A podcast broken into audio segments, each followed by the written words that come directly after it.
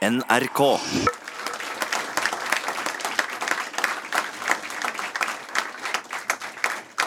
Takk skal dere ha, og velkommen til Kverulantkatedralen i Stavanger og dette første eh, temamøtet om eh, sosialdemokratiet.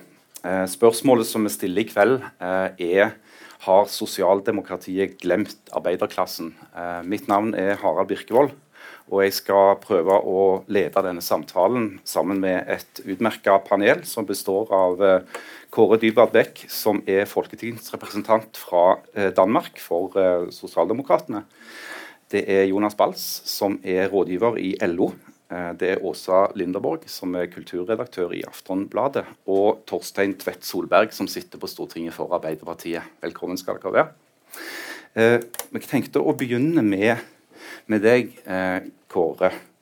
Fordi du har skrevet en bok eh, nylig som har tittelen 'De lærdes tyranni', eh, hvor du utsteder en form for diagnose på noe som kanskje går inn i kjernen av problemet. Hvordan den kreative klassen har fjerna seg fra eh, det du kaller det folkelige.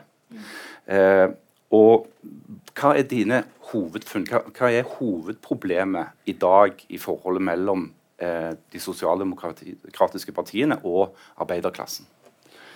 Jamen, hovedproblemet synes jeg er, at man ikke forstår å prioritere økonom økonomisk, altså å, å tildele arbeiderklassen bedre forhold, når man sidder på makten, og at man på den anden del af det politiske, altså i værdipolitikken, at man nogle gange går galt i byen, fordi altså at man træffer forkerte beslutninger værdipolitisk, måske fordi, at man ikke har så mange fra arbejderklassen, som er repræsenteret øh, øh, i vores, øh, blandt vores politikere. Øh, Det er jeg jo heller ikke selv. Øh, Det, det er der mange andre, der ikke er.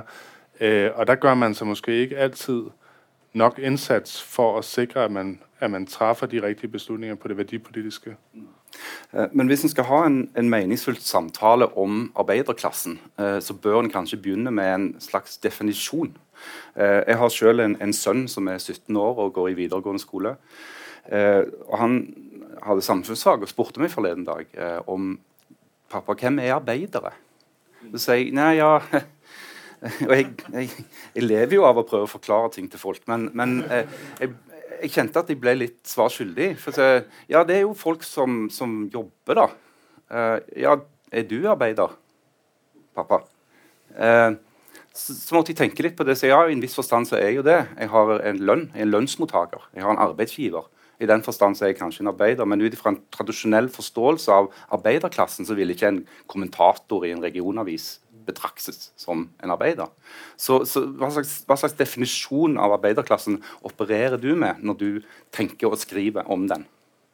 Jamen, der, der var noen danske forfattere, andet Lars Olsen, som lavede en definisjon for noen år siden, som er sånn grundlæggende øh, faglærte og ufaglærte arbeidere. Det, det er arbejderklassen. Øh, det dekker en, ja, litt under halvdelen av den danske befolkning. Øh, Og det synes jeg egentlig er en meget sund definition, fordi det er klart, det er altid svært, men jeg tror desværre også, at tendensen, altså det man kunne kalde, jeg tror Magnus Marstal kalder det for nularbejdermyten, øh, altså den der forståelse af, at der ikke findes en arbejderklasse, er egentlig også med til at gøre problemet værre, øh, fordi man får den der forståelse af, at, at, øh, at alle i virkeligheden, fordi det gør ens venner måske, øh, så alle andre arbejder med noget kreativt på et kontor, hvor man sidder sammen med en Mac-computer, og så sidder man der og producerer et eller andet, men der vil jo altid være folk, der skal gøre rent og køre bus og, og lave alle mulige andre ting, og det, det er så dem, som jeg mener er, er arbejderklassen.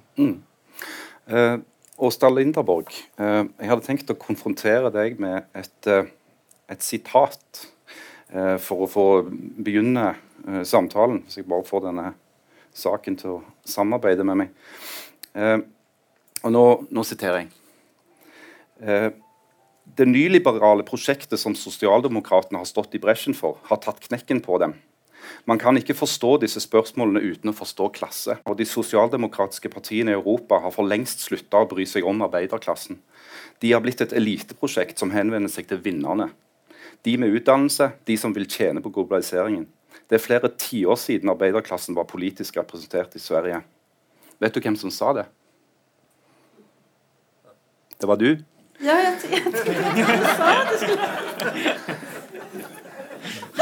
det sa, jeg, jeg, trodde nog att du skulle citera. Ja, ja. det sa du i et intervju med Stavanger Aftenblad uh, i uh, fjor. Okay. Uh, jeg går ut fra at den analysen er en som du fortsatt står inne for. Ja, altså jeg mener jo at det har vært et medvetet prosjekt. Det var jo det hele New Labour og Blair och eh, Clinton, det var jo hele ideen var jo at arbetarklassen minskar så snabbt. Eh, så att vi behöver inte ta hänsyn till arbetarklassen för att vinna val utan vi ska satsa på medelklassen. Och det som har hänt med två stora val i världen på kort tid, Brexit och Trump, ju, bevisar ju att man kan inte vinna val utan att ta hänsyn till arbetarklassen. Det är de stora fina poängerna tycker jag med de här, de här valresultaten som ändå har varit. Att man kan inte tänka bort arbetarklassen, för arbetarklassen är faktiskt lika stor nu som för, för 30 år sedan. Den, det är ungefär hälften av befolkningen eh, LO-kollektivet. Antingen att man är medlem i LO-kollektivet, man är barn till föräldrar i LO-kollektivet, man är pensionerad inom LO-kollektivet och så vidare. Och även om, som min pappa var metallarbetare, han blev arbetslös. Eh, metallarbetarna finner man i huvudsak i Kina. Men då jobbar arbetarklassen med andra saker idag. Eh, till, till sämre betalning och sämre villkor. Men arbetarklassen finns kvar. Om inte arbetarklassen fanns skulle det märkas. Ja. Eh, Jonas Bals, du er, er rådgiver i, i LO, eh, men du har også begått en bok nylig. Eh, den har tittelen 'Hvem skal bygge landet?' Eh, I den boken, blant mye annet, så lister du opp en rekke helt konkrete virkemidler og tiltak som du mener at arbeiderbevegelsen må kjempe gjennom eh, for å ha en troverdighet i spørsmålet om eh, om å være en representant for arbeiderklassen. Eh, kan du kort nevne no noe som du mener er viktige tiltak som det haster å få gjennomført? Altså jeg mener jo, jeg er veldig opptatt av eh, mitt eget fag, malefaget og byggebransjen som sådan. Situasjonen for mange av de utdanningene som på en måte har båret fram det moderne Norge, men som nå er under et voldsomt press. Både lavlønnskonkurranse, eh, sviktende rekruttering, eh, fagutdanninger som eh, er, ligger nede knestående. Um, paradokset i den valgkampen vi har bak oss, er jo at Arbeiderpartiet om Arbeiderpartiet hadde vunnet valget, så hadde vi hatt svar på veldig mange av de problemene som jeg annet påpekte i denne boka. her. Og så har det blitt sagt i evalueringa at vi klarte ikke å kommunisere det godt nok ut. Faren med det er at man tror at det er et kommunikasjonsproblem. Og at du kan få bedre kommunikasjonsrådgivere, så vil det løse. Fordi den kommunikasjonsmangelen bunner jo egentlig en dypere tillitskrise. Og det merka jeg mye da jeg reiste rundt i valgkampen. Besøkte mange faglig aktive så var det jo en mangel på tillit til at vi faktisk ville dette her. Eh, at vi hadde tenkt å gjennomføre det. Og jeg tror det er riktig som Åsa sier, at de, deler av sosialdemokratisk krise internasjonalt skyldes en viltpolitikk. Hards IV-reformen i Tyskland et veldig grelt eksempel på det. Hvor man aktivt bidro til å skape en klasse arbeidende fattig i det tyske arbeidsmarkedet. Men mye av dette tror jeg, i hvert fall i et land som Norge handler mer om blindsoner og det jeg kaller helligdager, da, for å bruke et uh, maleruttrykk. Og og det gjelder både utdanningspolitikken, som Kåre peker på, det handler om arbeidsmarkedet. Jonas Gahr Støre har jo sagt at hadde vi sett noe lignende innenfor medisin, som vi har sett innenfor byggfaga, så hadde vi jo ropt nasjonal alarm for lenge siden. Hvorfor har vi ikke gjort det? Jo, det handler bl.a. om at det ikke har vært nok rundt bordet som har brydd seg om det. Og det handler jo gjennom rekruttering og representativitet. Jeg er jo en sterk tilhenger av et representativt demokrati. Men om du ikke får med folk fra alle lag av samfunnet, så er det ikke representativt lenger. Og de som først blør i møte med en sånn utvikling og en sånn generell trend i retning av politikerskepsis og politikerforakt, det er jo sosialdemokrati. Og jeg synes bare for å ta det helt til slutt, jeg synes det er interessant å merke seg Satt og så på den talen som Donald Trump holdt i Davos her forleden. Det er veldig få som har kommentert på akkurat det, men det var veldig interessant det han gjorde der. Han henvendte seg ikke til de i salen i det hele tatt. tvert imot. Og han snakka altså om arbeidere på en sånn rett fram måte som jeg ikke kan huske å ha hørt noen sentrum-venstre-politikere egentlig gjøre på veldig lang tid. Og, så hvis sosialdemokratiet har glemt hvordan vi eh, får med oss folk fra arbeiderklassen, hvordan vi snakker med arbeiderklassen, samtidig som du får blue collar billionaires som dyrker dette her fram til en ekstrem kunstart, ja, så, så har sosialdemokratiet og arbeiderbevegelsen veldig store problemer. Og Det er kanskje òg noe av, av Trump sin, sitt uh, Det er vanskelig å bruke ordet geni, men la meg nå gjøre det likevel. Altså, altså det, det, at han som egentlig er en uh, steinrik arving, har klart å framstå som en representant for uh, arbeiderklassen på den måten. Torstein Tvedt Solberg, du sitter jo på tinget nå for Arbeiderpartiet, og i et parti som har vært gjennom en må være lov å si en viss turbulens uh, i den siste tiden. Uh, og hvor partilederen og resten av ledelsen og strukturene har signalisert at de vil sette i gang et stort arbeid for å formulere en ny politikk. Uh, er det en, altså en, faktisk erkjennelse i Arbeiderpartiet av at du trenger en ny retorikk en ny måte å snakke om politikk på? Eller trenger du faktisk en konkret ny politikk? Nei, Det er ja takk, begge deler, eh, tror jeg. Det er jo litt synd at vi måtte tape et valg, egentlig, for eh, at den eh, erkjennelsen og anerkjennelsen egentlig skulle, skulle, komme. Men den tror jeg er der veldig. Og så kan jo ikke jeg svare for hele eh, Arbeiderpartiet, men, men mer meg, eh, meg sjøl. Og det det jeg må innrømme at jeg er litt redd for i denne diskusjonen, er at vi blir for snevre i synet på hva som må endres. For jeg tror ikke det kun handler om representasjon. For da eh, skaper du lett noen eh, feilaktige eh, motsetninger som eh, skaper en større splid enn kanskje eh, nødvendig. For når en snakker om at eh, Arbeiderpartiet må bli flinkere på å få flere arbeidere, ja, så vil en kanskje ha mindre av noe. Og Det som oftest nevnes når en skal ha mindre av noe i Arbeiderpartiet, det er jo sånn som meg. Det er de såkalte broilerne. ikke sant? Det er De unge progressive kreftene må det bli mindre av for å gi plass til flere arbeidere. Mm. Så du ber for din syke mor nå? Ikke? Ja, egentlig, egentlig litt. Men jeg setter det litt på spissen, fordi jeg syns det er litt interessant. For i den motsetningen som er kommet mellom eh, de unge og arbeiderne, så er det jo denne eliten som flere her nå har snakket om som sitter igjen som den store vinneren, helt utenfor den diskusjonen, og på en måte kan fortsette, fortsette som før.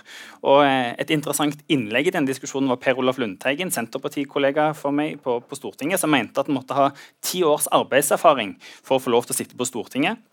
For En kunne ikke være for ung, en måtte ha mer skit under neglene og måtte liksom ha arbeida. Eh, og vi har for høy utdannelse med unge som er nå. Og Det som jeg synes er paradokset i hans resonnement, er jo at han vil frata meg muligheten til å påvirke politikken, som egentlig er en konsekvens av det han har skapt. Grunnen til at jeg har valgt å ta høy utdannelse, er jo fordi jeg er et resultat av det samfunnet som Per Olaf Lundteigen og de eh, tidligere generasjoner har lagt til rette for. Vi er jo et samfunn som i veldig stor grad, som beskrevet både i Sverige og Danmark, legger til rette for å presse oss unge, nye generasjoner inn i en veldig akademisk teoretisk utdannelse. Og konsekvensen da? Ja, Du kan godt kalle det broilere, men det er i hvert fall høyt eh, utdanna folk. Og Det jeg er veldig redd for, og det er det som er poenget mitt, er at vi ved å sette arbeiderne og de unge opp mot hverandre, gjør en kardinaltabbe og ikke får til det som Corbyn har klart i eh, Storbritannia, for eksempel, der han har klart å samle nettopp arbeiderne og de unge i det nye prosjektet. For det er det vi må for å skape en god allianse, tror jeg, som kan på en måte få arbeiderbevegelsen i gang igjen, ikke en sånn stillingskrig da, mellom enkelte grupper. Men før jeg slipper til de andre, altså, lurer jeg på, føler du deg likevel eh, truffet av det, altså den relativt skarpe kritikken som kom fra Åsa Linderborg når det gjelder eh, det hun mener nærmest er en, en, en, form for avvising av arbeiderklassen fra den eliten som du da på en måte representerer. Eh, kan du være eh, en god representant? Kan du være en god tillitsvalgt for arbeiderklassen? Jeg tror jeg kan være det, og jeg tror hvis jeg skal klare å være det, så er det jo i en erkjennelse av å være enig egentlig i det som, som Åsa her egentlig sier. Hvis jeg skal sitte her og ta ansvar for alle de 20 årene som ligger, ligger bak oss, så tror jeg ikke vi kommer framover. Jeg tror det viktigste er å erkjenne at mye av det som har vært, ikke har vært godt nok. Og hva må vi gjøre for å, for å, gjøre, det, for å gjøre det bedre. Og Da tror jeg spesielt utdannelse er absolutt det viktigste å ta fatt på. Ja, for det, det, er jo noe som i alle fall, fall um, jeg har tenkt litt på Eh, er, Når en diskuterer disse tingene, så, så, er veldig mye av diskusjonen på det nivået at en, en, skal vurdere, en skal fokusere på, en skal debattere. Men hva skal en konkret gjøre? Eh, F.eks. hvis det kreves lovendringer for å få en bedre beskyttelse av norske arbeidstakere. Hvis hvis det kreves konkrete, faktiske tiltak. Eh, og Et eksempel på det er dette med ut, det å utfordre de rammene som ligger i dagens regelverk i EØS-avtalen i forholdet vårt til EU, det blir ofte framstilt som en sånn nærmest uh, uoverstigelig hindring. Ja, Vi vil gjerne gjøre det, men EU sier nei. Sorry. Så når skal norske sosialdemokrater og sosialister begynne å utfordre de reglene, istedenfor bare å ta dem som et sånt fait accompli? Jonas? Altså, jeg mener at vi er i ferd med å gjøre det. Jeg husker Som nyinnmeldt partimedlem så gikk jeg på lokallagsmøte, og vi reiste et forslag om at vi ved offentlig anbud i Oslo skulle kreve lærlinger, fagarbeidere, bruk av egne ansatte. Til og med på det lille lokallagsmøtet der så ble det reist innvending om at nei, det tror vi ikke er forenlig med EØS. Men vi endte opp med å vedta det, sendte det inn til årsmøtet i Oslo Arbeiderparti. Så har vi jobba med dette i hele partiet egentlig flere år, og i masse kommuner og fylkeskommuner rundt om i Norge. Nå rulles Oslo-modellen ut i Oslo. Krav om 10% lærlinger på alle fag, på alle prosjekter. Krav om minst 50 fagarbeidere, bruk av egne ansatte. Helt konkret politisk svar på ting som markedskreftene ikke har klart å ordne opp i på egen hånd, og tvert imot bidra til å forsterke. Og Det er jo sånn klassisk sosialdemokratisk politikk som viser at det går an å styre samfunnsutvikling at økonomi ikke bare er noe som kommer og ruller over deg, men noe vi faktisk kan møte med politikk. Det er det vi Det er liksom svaret, kort fortalt. Lindeborg? Jag skulle vilja eh, fundera på det som Torsten säger här. Eh, om man tar hela välfärdsbygget i Norden eh, var möjligt därför att akademiker och arbetare förenades i socialdemokratin. Eh, det fanns ingen motsättning. Det var väldigt intressant att så många så många från borgarklassen ville ansluta sig till socialdemokratin för att bygga världens starkaste välfärdsstat. Olof Palme är ju det bästa exemplet på det. Men den stora skillnaden nu, eh, alltså, det, det, är ju att klassklyftorna har vuxit så enormt mellan de som, alltså mellan de här klasserna så att säga. Så den motsättningen är socioekonomiskt reell idag på ett sätt som den inte var för 30 år sedan. Eh, klassklyftorna ökar och det, det beror på en medveten socialdemokratisk politik som har dikterats av i första hand akademikerna. Och så, den konflikten måste man på något sätt faktiskt lösa och visa att vi vill någonting annat än det här. Och problemet med socialdemokratin är ju lite det som eh, Jonas var inne på här, att när Socialdemokraterna eller arbetarrörelsen grundades så var ju dess bästa försäljningsargument det var ju förändring. Vi ska förändra. Eh, change, eh, som Obama sa, det betyder egentligen bara att vi kan vinna ett val, men vi kan inte förändra världen. Eh, och idag skrämmer ju Socialdemokraterna väljarna med utvecklingen. Det är ingenting vi kan rå på, det är ingenting vi kan göra någonting åt, det är bara att följa med här. Eh, vad som än händer, så vi måste följa med. Og det er jo liksom ingen optimisme i det prosjektet. Mm. Ja, for Nå får du jo stadig vekk høre Jeg var nylig på en konferanse eh, mellom næringsliv og politikk eh, hvor det var en av foredragsholderne som, som det alltid er. Det er alltid én foredragsholder som er blitt henta inn for å skremme folk. Ja. Eh, og denne, denne personen eh, kom jo med denne vanlige harangen om at eh, nå kommer robotene. Nå kommer automatene og robotene, og jobbene som du tror at du skal ha de neste 20-30-40 årene, de forsvinner. Og det kommer til å skje raskt. Og det kommer aldri tilbake. Takk for i dag. eh, og, og, Funksjonen til de, den type foredragsholdere er jo selvfølgelig å sette fart i forsamlingen. og alt det der. Men, men du Kåre, du var jo også inne på dette med altså den der voldsomme teknologioptimismen og troen på at, at uh, alle disse her yrkene som i dag er nødvendige for å få samfunnet til å rulle og gå, vil bli borte. Den, den kan være en illusjon. Ja, jeg tror i hvert fall at vi skal passe meget på med å innrette vår ideologi, ideologi efter øh, fremtidsforskere øh, og de her typer oplægsholder. Vi har dem også i Danmark, skulle jeg helst si. I må godt få vores. Øh, Jeg tror, vi skal passe meget på, og for 20 år siden var det den kreative klasse. Det smadrede hele vores, eller stor del af vores uddannelsessystem. Nu er det robotterne, øh, som kommer og spiser os. Øh, før var det kineserne, og om 10 år kan det være nogle andre. Øh, jeg tror, man skal passe meget på med at hoppe for langt ind i det. Men jeg tror også, man skal forstå, og, og, og jeg vil egentlig også gerne bare sige noget i forhold til det, som, som Thorsten siger, som er, som er rigtigt, at identitetspolitikken fylder mer og mer i alle led av vårt samfunn. Men det gjør den jo også for arbejderklassen. Det gjorde den med Trump, og grunnen til, jeg var i Detroit samme sommer, øh, som han ble valgt, og, og, og jeg kunne sådan set godt genkende det der billede. Men derfor blir vi også nødt til å ta identitetspolitikken øh, alvorlig. Altså man kan godt, som du sier, Åsa, øh, være Olof Palme, komme fra en overklasse baggrund, købe et rækkehus og tage tunnelbanen på arbejde, gøre sig selv til middelklasse. Man kan også godt gøre det, som vores samtidige øh, Jens Otto Krav gjorde. Han kom fra en meget jævn baggrund og fik nogle mere dyre vaner. Begge de to dele kan man godt gøre, men man kan ikke både komme fra overklassen og have dyre vaner. Der tror jeg, der er et konflikt, øh, som vi i hvert fald har oplevet også i det danske socialdemokrati, øh, at der bliver nødt til at være en meget stærk tillidsmæssig forbindelse og tro på, at når alt kommer til alt, så gør lederen af Socialdemokratiet det, som er godt for arbejderklassen og stortingsmedlemmerne osv. Det pålægger jo dem, som har en akademisk baggrund, ligesom mig og, og Thorsten og mange andre har, øh, et ekstra ansvar for øh, at tage den forbindelse alvorligt, og for ikke at lukke os inde i vores egen boble, øh, hvor man bliver venner med embedsmændene, hvad hedder det heroppe? Øh, ja, embedsmændene i, i statsapparatet, og sidder og bekræfter hinanden i, når vi bor alle sammen i den dyre del af hovedstaden, vi har børn på de samme gode folkeskoler eller på privatskoler, vi lever øh, i det her liv og går i byen sammen, det, det er meget farligt. Øh, og, og, og der tror jeg, der pålægger et, et ekstra stort ansvar, fordi Dansk Folkeparti, Fremskridspartiet, Sverigedemokraterne osv. ved udmærket godt, hvordan man, hvordan man griper den, øh, den identitetspolitiske konflikt. Nettopp. Eh, og der har jeg et eh, konkret eksempel. fordi at En av mine Facebook-venner som er eh, i Fremskrittspartiet, han konstaterte nylig triumferende at det er vi som er Arbeiderne sitt parti nå.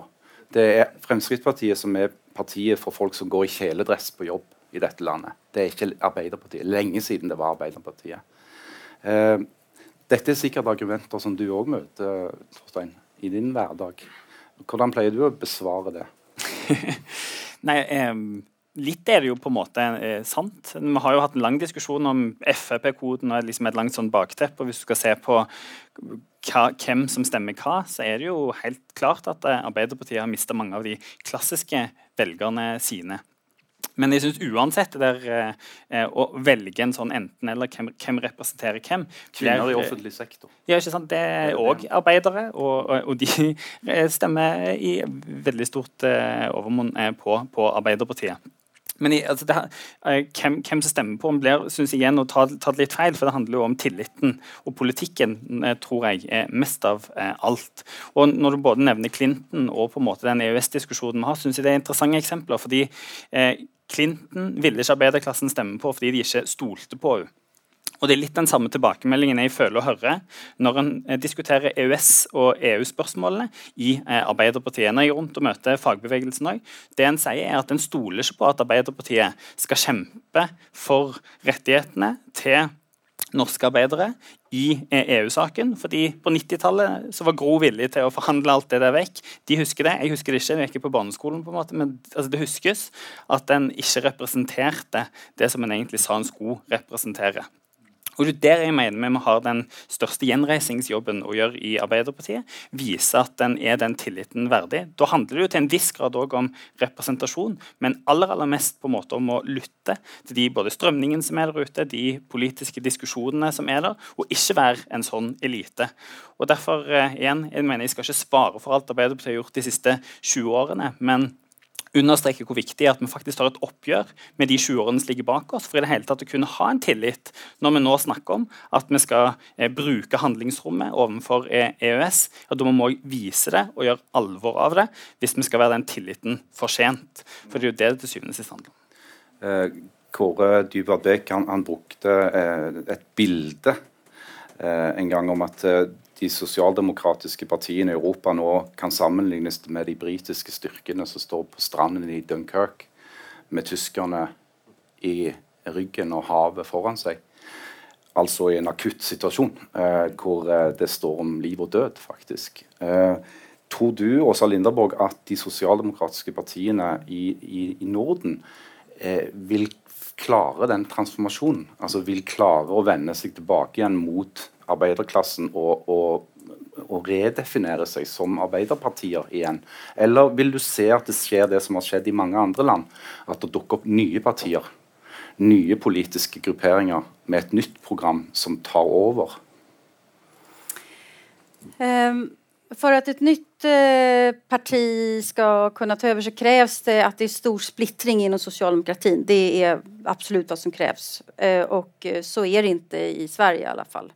Eh, men det är en intressant fråga du ställer därför att samma dag som det presenteras en, en stor undersökning i Sverige som visar att åtta av tio svenskar säger att Sverige är ett klassamhälle. Åtta av tio hävdar det. Samma dag presenterade Socialdemokraterna sitt eh, valmanifest. De går alltså till val på brott och straff. Det är deras stora valfråga. Och Stefan Löfven säger att vi är det enda mittenalternativet i svensk politik. Då försöker man alltså trolla bort hela höger-vänster-skalan. Man vill inte prata ekonomiska frågor, inte fördelningspolitiska frågor. Eh, och då tappar man ju arbetarklassen direkt. Därför att om man ska prata om brott och straff då kan man lika gärna rösta på Sverigedemokraterna. Eh, om, om det är det som man tycker är den viktiga frågan. Ja, og det, det har han jo sett i Norge òg, at eh, og Da må du gjerne være uenig i eh, Torstein, altså, men eh, at Arbeiderpartiet i flere saker har orientert seg i forhold til hva omverdenen driver på med, de andre partiene driver på med. Det blir reaktivt. Ja, det blir väldigt reaktivt. Men om man tar ett, ett väldigt intressant exempel. I Sverige när alltså ledande socialdemokrater, när de fick välja mellan Bernie Sanders eller Hillary Clinton så höll de på Hillary Clinton. Eh, de var livrädda för att Jeremy Corbyn hade blivit partiordförande i Labour. Det var en total katastrof. Om de får välja mellan Macron eller Corbyn så väljer de Macron. Det ska inte ens vara en fråga. Eh, så jag tror inte alls att svensk socialdemokrati, eh, ni får prata för era länder, jag, jag, tror att de har väldigt dåliga möjligheter att vinna tillbaka arbetarklassen så som det ser ut nu, ja. Et spørsmål til deg, Kåre. Når det gjelder begrepet det folkelige, som du bruker mye. Hvordan skal eh, det sosialdemokratiske prosjektet vende tilbake til det folkelige? Eh, det synes jeg er et veldig interessant spørsmål, men det kan òg problematiseres. fordi at du har en annen folkelig tendens i politikken som heter populisme. Eh, og hvordan skille mellom en folkelighet, som jeg antar du eh, sikter til, og den de populistiske tendensene som er annerledes og kanskje mer problematiske. Det er også viktig å kunne adskille de to. Men det socialdemokratiske bevægelse er jo stiftet på populisme øh, oprindeligt set. Altså organiseringen, muligheden for at tage penge fra nogle andre, stod jo meget centralt. Så jeg tror ikke, vi skal afsværge det fuldstændig. Altså jeg mener, at vi skal kunne forstå eller kunne... På venstresiden har vi alltid haft en tendens til at have meget lange forklaringer. Hvorfor, øh, hvorfor skal man øh, melde sig ind i en A-kasse, altså en fagforening? Nå, men det er fordi og alt muligt. Øh, på højre siden har de haft meget korte forklaringer, og jeg tror bare grundlæggende, at vi bliver nødt til at blive bedre til at have korte forklaringer på tingene, som er nemt at forstå, og som ikke kræver mange overvejelser ind i hovedet, før man kommer til dem. Og det, det er der nogen, som vil kalde populisme. Jeg er ikke enig, fordi at Socialdemokratierne står på en meget ansvarlig økonomisk og altså, sammenhængskraftsmæssig platform, men jeg tror, man bliver nødt til at kunne udfordre det. Og jeg tror, at vi gik fra at sige, i Danmark gik vi fra at sige folket, til at sige befolkningen, til at sige danskerne. Så det er ligesom, nu er det så fladt, at vi ikke tør, vi tør ikke lukke nogen ude, fordi vi er bange for, at der så kommer nogen og siger, men jeg så ikke folket. Øh, og jeg, jeg, jeg kalder det det folkelige. Jeg kunne også have kaldt det folket, men det var jeg næsten bange for, fordi at det, det, det ville give så stærk en reaktion, hvis man siger det. Fordi det handler om, at, at, øh, at, at de der begreber er vi blevet uvant med at bruge, som Jonas også nævnte med, med Donald Trump, og ikke det er ikke for at godkende ham overhovedet. Det er bare for at sige, det bliver vi også nødt til at kunne det der. Men, men, det kan jo tenkes, uh, ikke for å harpe videre på Donald Trump i det uendelige, men, men, at hans suksess er noe som bør studeres av alle som er interessert i dynamikken mellom makten og velgerne. Jamen er du gal? Altså, eh, hvis du sitter i Michigan i USA, som er en produksjonsstat, som er altså svarer til Ruhrdistriktet i Europa, øh, så er det da vanvittigt at få at vide af Hillary Clinton, øh, at man er, jeg tror formuleringen var basket of deplorables, hvis man stemte på Donald Trump. Og det var der bare mange af dem, der overvejede. Når han kommer og siger, jeg skal sørge for, at I får jeres øh, produktionsjobs tilbage. Det gør han jo ikke, men det er jo det, der bliver sagt. Så tager han dem alvorligt. Og der, altså, vi er gået fra i 87, at, 85, at den europæiske venstrefløj gik på barrikaderne for de britiske kulminearbejdere, til i dag, at der er ikke nogen, der vil fjerne kulminearbejdernes jobs hurtigere end den europæiske venstrefløj. Det er der nogle gode grunde til, at jeg er med på det. Jeg siger bare, at der er sket et skift der også i forståelsen af, hvordan man håndterer arbejderklassen, for eksempel i, i industridistrikter. Mm. Nei, for Det mener jeg er veldig enig i beskrivelsen. Det var en av de store tabbene vi gjorde i denne valgkampen. For vårt svar på populismen, når vi ble utfordra, spesielt Fremskrittspartiets populisme, var at vi i altfor stor grad ga svaret at vi må gjøre det nødvendige. På kommunereformen så ble vi med, selv om vi egentlig var imot ganske mye på det som var Høyre-Frp-regjeringen sine premisser. Vi gjorde det på politireform, sentraliserte veldig mye, men det var nødvendig å gjøre den politireformen. Vi gjorde det på forsvar, det var nødvendig å legge ned de, de basene. Og eh, lukka døren da, for det som ble kalt populismen, men som jo egentlig var ganske mye større folkelige strømninger eh, rundt det, som andre partier da klarte å trekke opp i seg. Vi mista jo i all hovedsak velgere til SV og Senterpartiet, i tillegg til, i tillegg til sofaen, for de klarte i mye større grad. Ikke mener jeg å ta de populistiske på, på, på den feilaktige måten, men de klarte å formulere politikk som traff den nerven på det som folk var, var opptatt av. Og det er jo det som jeg tror er det viktigste i vår erkjennelse i den utviklingen, den nye politikken vi nå er i gang med, som skal være utvikling på distriktspolitikk, det innvandringspolitikk og det arbeidspolitikken, som er de tingene det nå er satt ned utvalg i Arbeiderpartiet som skal jobbe med. Det viktigste grunnpilaren der må være nettopp det at vi må slutte med denne såkalt nødvendigheten, som jo egentlig er en litt sånn elit elitistisk eh, eh, som du sa, byråkratenes eh, eh, svar på sånn det må være, ut ifra hvordan det er på, på, på rene, regnearket. Og Sånn sett er Dunkerque-metaforen ganske god, for den avsluttes jo med at det kommer ikke én stor båt, men det kommer jo tusenvis av små fiskebåter som redder disse soldatene ifra, ifra, stranden. Som jo kan være en veldig god og stor metafor. For at det er liksom ikke det er ikke bare én sak som kan redde Arbeiderpartiet, men det må være alle de mange fiskebåter. Ja. ja, du kan jo òg tenke at folk kommer roende til i Ja, ja, ja. ja, ja. Det er så mange folk her i dag. Hvis alle, alle de stemmer Arbeiderpartiet, er vi i gang. Ta til årene. Eh, Jonas? Altså, jeg vil jo problematisere, problematisere det litt, fordi sånn jeg husker brakkediskusjonene da jeg begynte som ung malerlærling, så var jo på en måte et av hovedargumentene som jeg ofte reiv og sleit meg i håret over fordi jeg var ung og radikal, det var jo at Arbeiderpartiet førte økonomisk ansvarlig politikk. Det var det, en viktig grunn til at man hadde en sterk stilling i arbeiderkollektivet. Om jeg får lov å være litt sånn sjølkritisk på partiets vegne, så vil jeg si at en, jeg syns som var å føre verdidebatt på Sylvi Listhaugs premisser. Og jeg mener at Frp kunne vi tatt mye mye hardere på den økonomiske liberalistiske politikken deres. Eh, gå tilbake til 90-tallet, da vi fikk loven om allmenngjøring, som vi fikk som en følge av EØS-avtalen, som skulle sikre et lønnsgulv for alle arbeidere i Norge. Frp argumenterte beinhardt imot, for de mente at det ville ødelegge beste, det beste med hele EØS-avtalen, nemlig at det kunne komme arbeidere fra andre land og konkurrere på lønn her. Det der en, sitter dypt i ideologien deres. Se på regjeringserklæringa nå om uh, hvor de mye ved hjelp av Venstre da, har omfavna det uorganiserte arbeidslivet.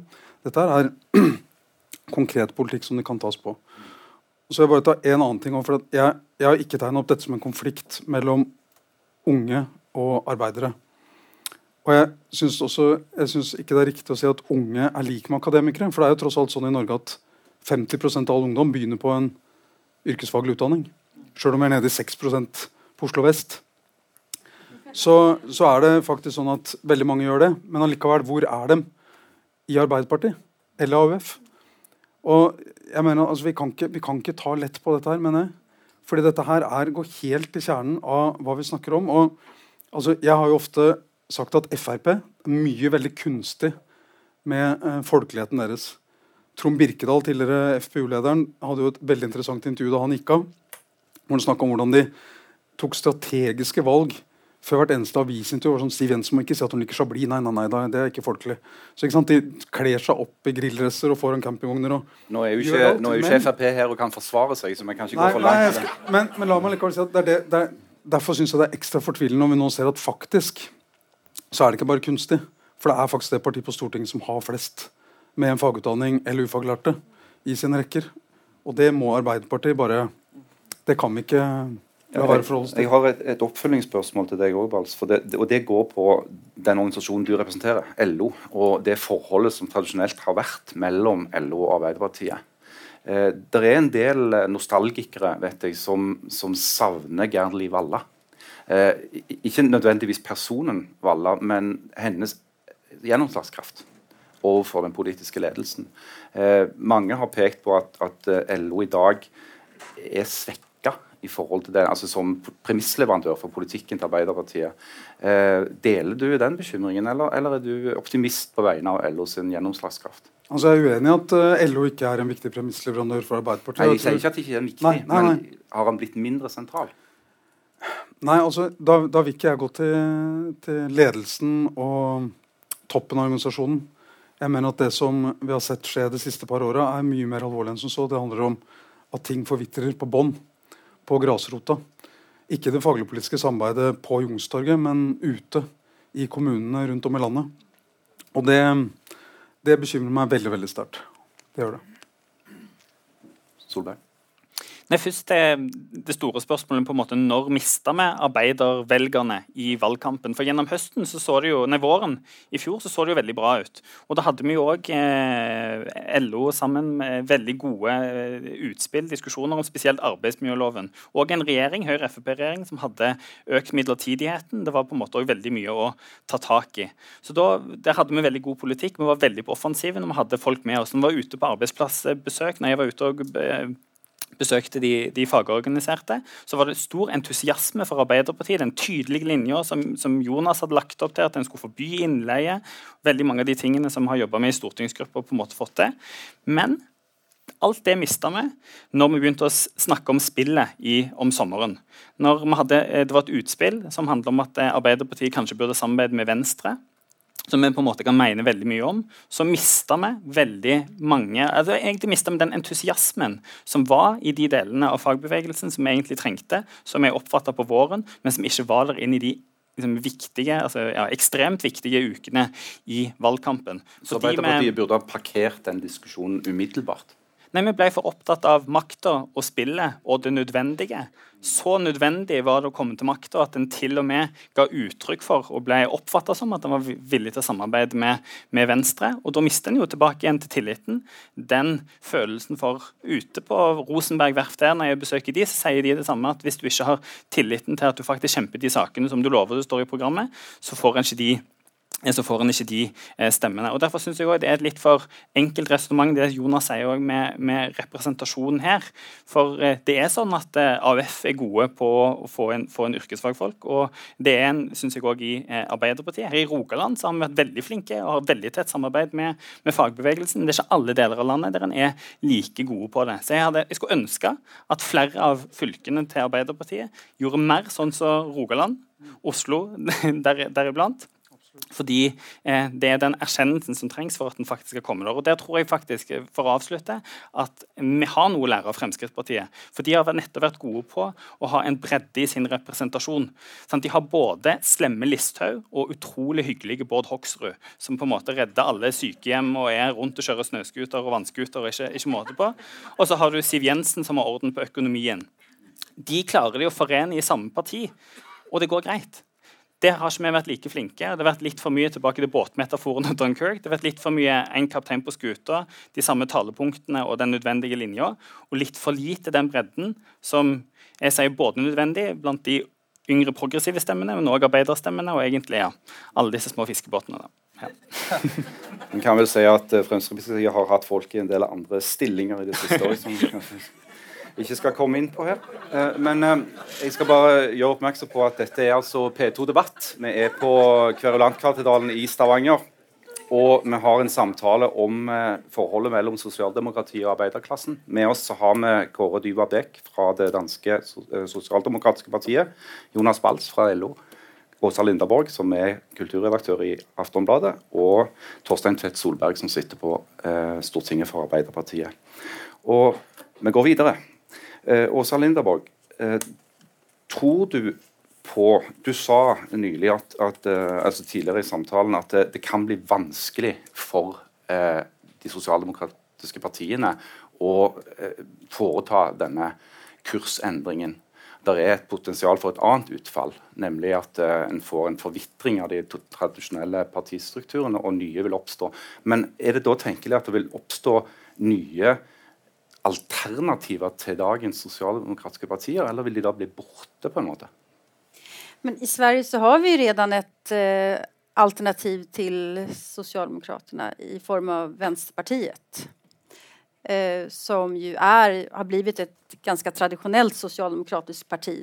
Tidligere var det det svenska kommunistiska partiet. Eh, og de står også og stampar i opinionen. De vokser ikke heller.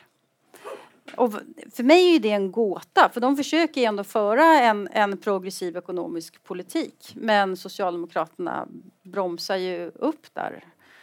Så Alltså det, det, i, om man tar i Storbritannien, om man tar i, i USA eh, och i Frankrike, alltså där det har blivit stora vänsterpopulistiska rörelser eh, som utmanar social, alltså den traditionella ja, socialdemokratin, så är det när socialdemokratin bråkar internt och det är tillräckligt många som faktiskt säger ifrån och säger att vi vill ha någonting annat det är, och det, vi har väl inte riktigt så stora konflikter i de här tre partierna i Norden än socialdemokratin. I alla fall inte i Sverige. Mm. Det har kanskje vært litt tendenser i Norge det noen ja, fast det beror på hvilken fråga man prater om. Så. Ja. Kåre? Nå, men jeg tror, at vi har jo et tilsvarende parti i Danmark, der hedder Enhedslisten, som svarer til, til Venstrepartiet nogenlunde Øhm, til måske rød valgalliance her.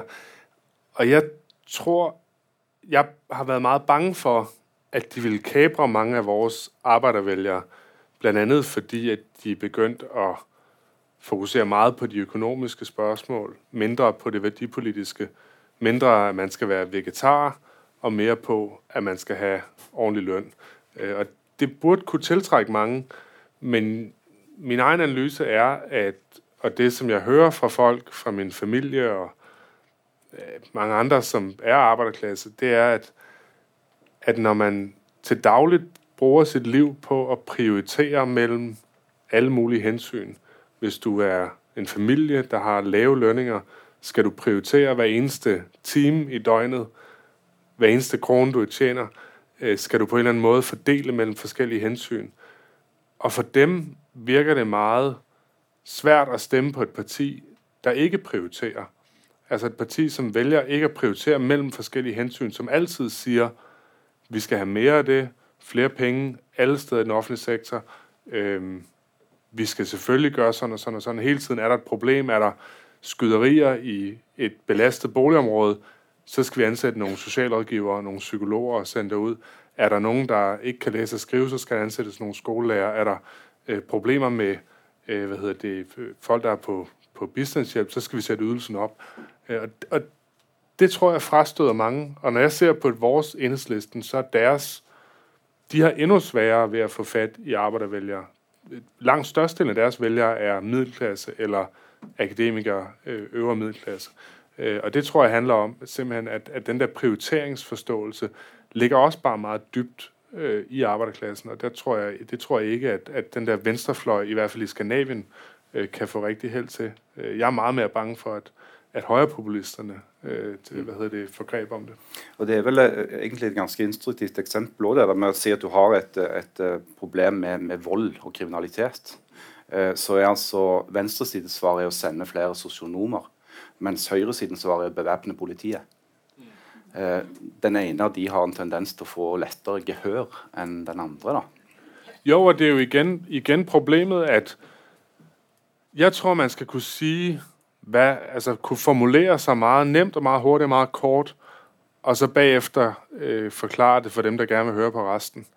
Øh, og nu har vi haft diskussion om distriktspolitikken i Danmark. Regeringen flytter statslige arbejdspladser fra København til provinsen, ligesom man gør i Sverige og her. Øh, og så siger regeringen, det er fordi, vi synes, det er rimeligt. Det er det rigtige at gøre. Danmark skal hænge sammen. Og så spørger de om tekniske udregninger. Giver det vækst? Øh, hvad med medarbejderne? Flytter de med? Øh, er der sagsbehandling, der bliver ødelagt? Men alt det der går man slet ikke ind i. Man siger bare, det er det rigtige at gøre. Vores land skal hænge sammen.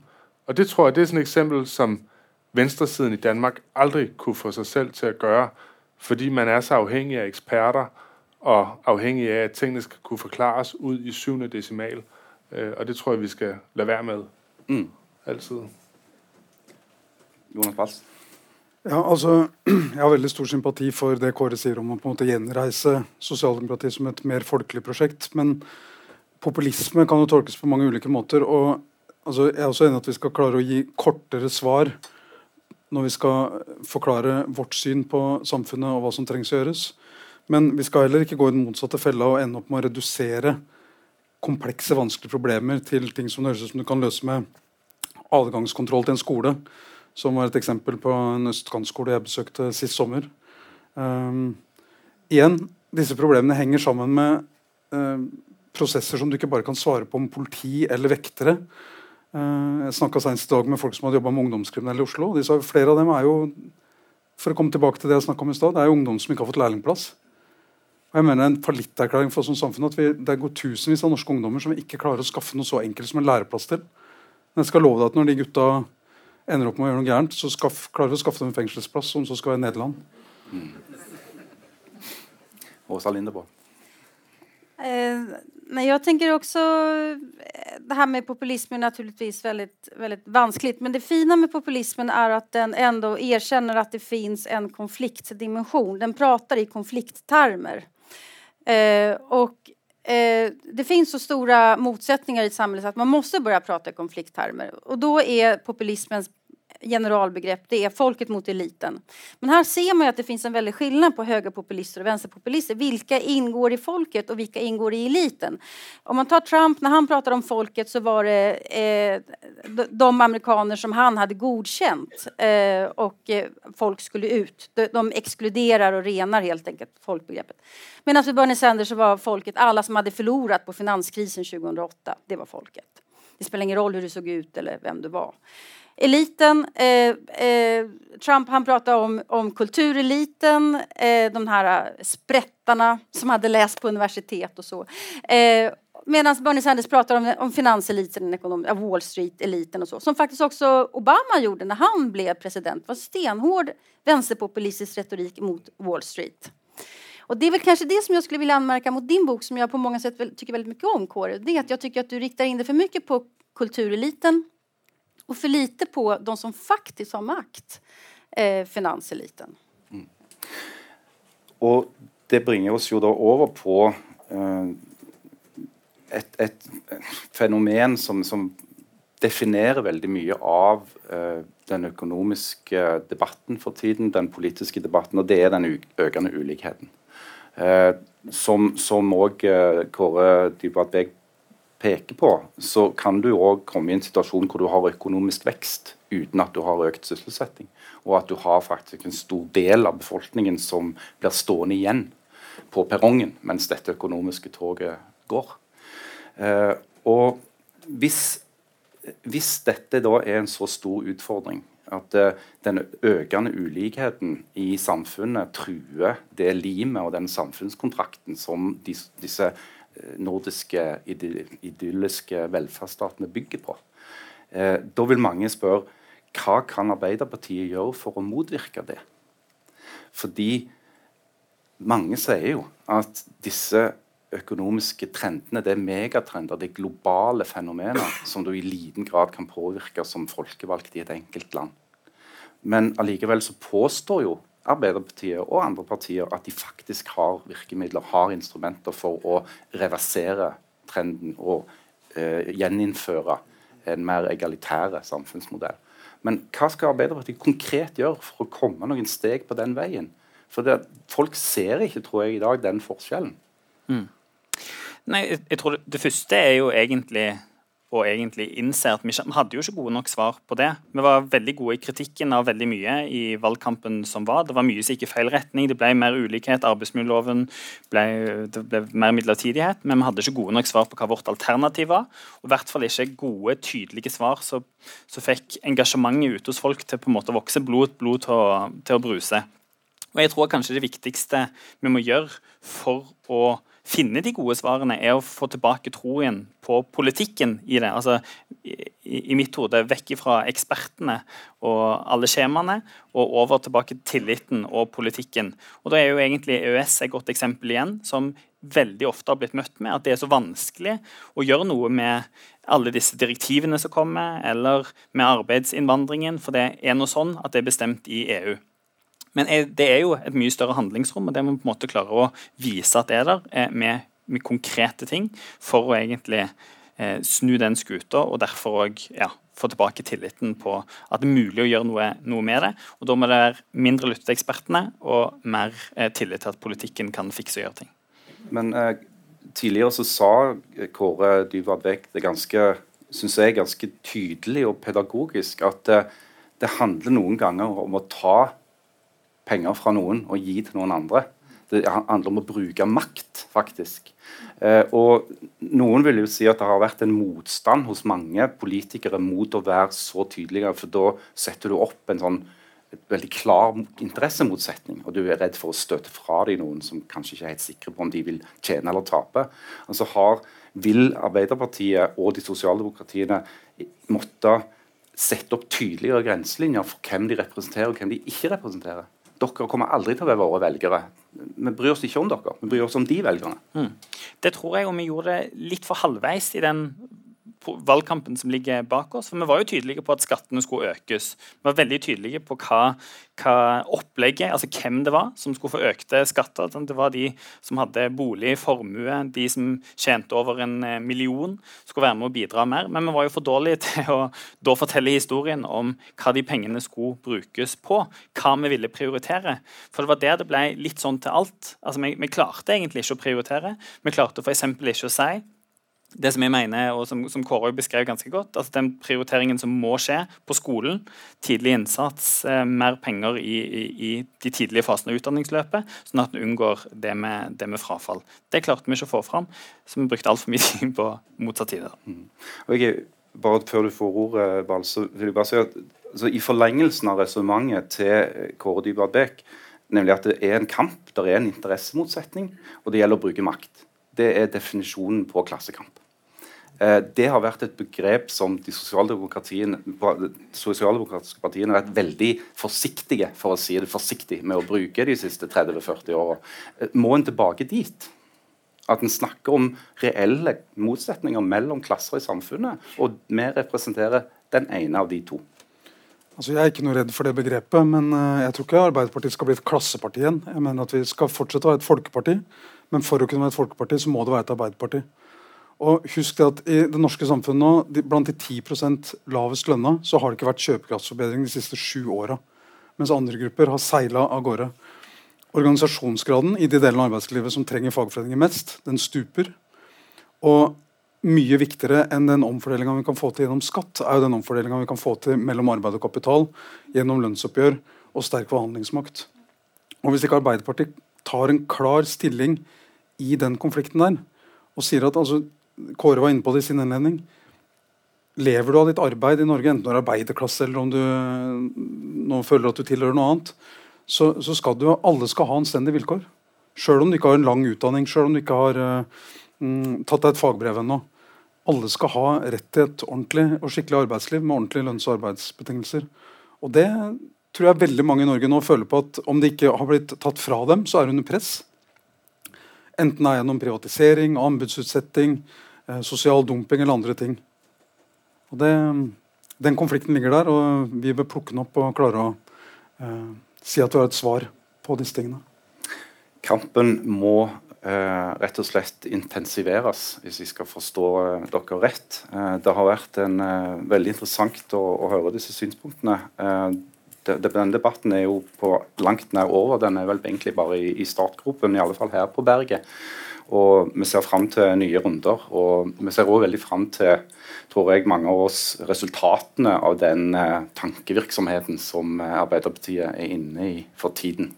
Og vi vil òg høre mer til dette i morgen, når eh, Jonas Gahr Støre kommer hit til Kverulantkatedralen for å snakke om politikk. Så tusen takk eh, alle som møtte, og tusen takk til panelet. Takk for nå.